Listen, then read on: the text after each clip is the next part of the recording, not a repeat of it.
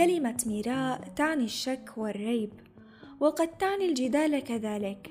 كم شككنا وارتبنا من أمور تحيط بنا أو نعيشها تحولت إلى قضايا مجتمعية مما دفعنا للسؤال وفي أحيان كثيرة للجدال. ميراء كلمة تعبر عن صراعاتنا الداخلية والخارجية.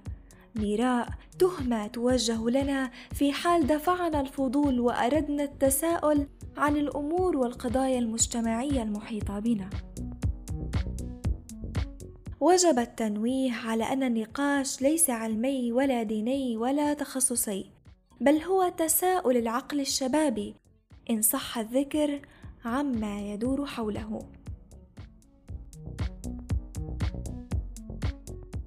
يقول فريدريك نيتشه كل الوسائل التي كانت ستجعل الإنسانية أخلاقية قد كانت حتى الآن لا أخلاقية للغاية. على ضوء هذه العبارة اللي قد لا نتفق معها كليا وإن اتفقنا معها جزئيا نبتدئ حديثنا لليوم عن ظاهرة الترند الإنسانية أو ما يمكن أن نسميه بظاهرة تخير الإنسانية. واللي بتعني أنه يختار الإنسان ما يريد التفاعل معه من قضايا إنسانية وفقا لما هو أكثر شهرة كجعل الإنسانية موضة أو صرعة. في الآونة الأخيرة شهدنا هذا النوع من التفاعل الإنساني المزيف عبر مواقع التواصل الاجتماعي بشكل كبير، إذ بيستغل البعض هالقضايا لحتى يتسلق على سلم الإنسانية والتعاطف دون أدنى فهم للبعد الإنساني والأخلاقي لهالقضايا على الرغم من أنه الإعلام الرقمي شكل قفزة نوعية في التعاطي مع القضايا الحساسة بالمجتمع اللي ممكن يتحفظ عليها الإعلام التقليدي. إلا أنه التناول المبالغ فيه لهاي القضايا أدى لتمييعها وتحويلها لمجرد شعارات بيرددها الرائح والغادي دون أدنى إيمان بمصداقيتها. وفقا للتأثير القوي لمواقع التواصل الاجتماعي هذا التسلق على بعض القضايا وإبرازها دون غيرها أدى لتغييب قضايا أخرى لا تقل إنسانية عن غيرها. ولكنها بتصبح طي النسيان أو قضايا تم تجاهلها فقط لأنها لم تحظى بفورة الترند.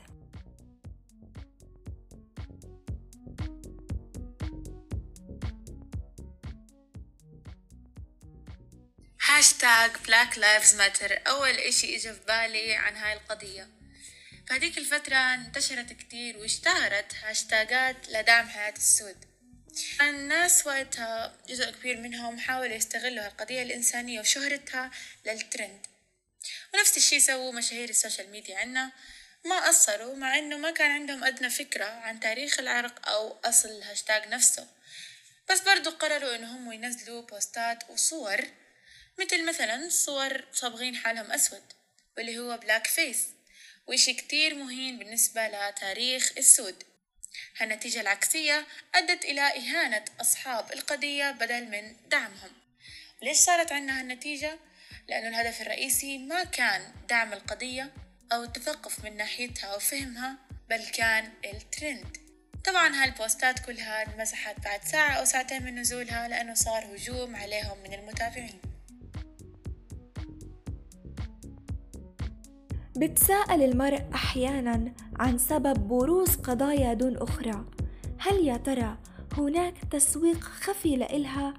أم هناك عوامل بتتعلق بماهية القضية ومكانها وزمانها؟ لكن على الرغم من كل هالتساؤلات وإجاباتها كيف ممكن إنه يسمح لهذا التمييز في التناول والطرح؟ هل الإنسانية قابلة للتجزئة؟ وهل المشكلة بتكمن في تناول قضايا دون غيرها لمجرد فكرة التمييز؟ أم إنه المشكلة فقط بتمييع القضايا اللي تم تناولها وتحويلها لمجرد لقمة تلاك هنا وهناك لإثبات وجود شخصي بعيد عن جوهر القضية صرنا كتير نلاحظ هالفترة إنه في أشخاص فعليا بترفض إنه تحكي عن شي إنساني عندها بس لما الموضوع يصير ترند بتلاقيهم كلهم صاروا يحكوا. مو لأنه الموضوع الإنساني أصلا هاممه بس لأنه صار ترند. هو الموضة صارت إنه كل ما يصير ترند لازم الواحد يحكي فيه. للأسف ال social media مو عادلة من ناحية القضايا. في كتير قضايا بتندثر على حساب قضايا تانية. في قضايا مهمة لازم نروح ندور عليها عشان نعرف أخبارها. وقضايا تافهة ومش مهمة بالنسبة إلنا توصل لعنا لمجرد إنه إحنا نتصفح السؤال الحقيقي هو هل عن جد تفضيلات الجمهور هي السبب الحقيقي؟ يعني هل عن جد نحن صرنا نتوجه للمواضيع التافهة لمجرد إنها ترند؟ ولا هذا نمط مفروض علينا من الناشرين اللي محتلين وسائل التواصل الاجتماعي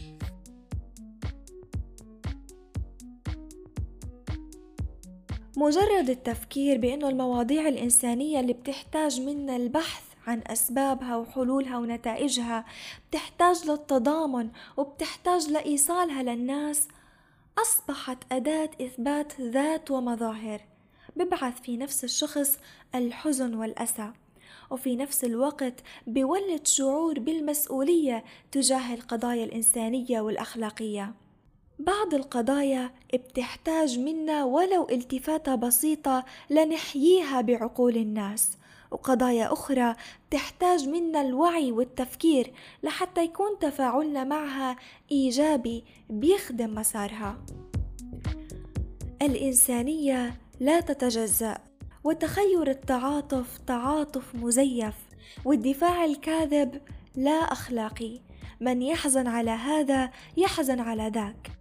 واللي ما برضى الظلم على إنسان برفضه على أي إنسان من منطلق الإنسانية لا القومية ولا العرقية ولا الترندية إن صح التعبير.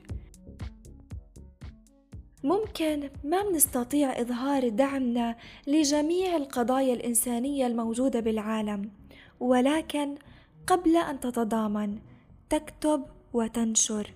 فكر ابحث وحلل آمن ومن ثم دافع لأجل القضية بحد ذاتها لا من أجل أي شيء آخر. هاي كانت حلقتنا لليوم من بودكاست ميراء نتمنى نكون أثريناكم ولو بالقليل. بإمكانكم المشاركة بالحلقات القادمة من خلال متابعتنا على الإنستغرام ميراء بودكاست. إلى اللقاء.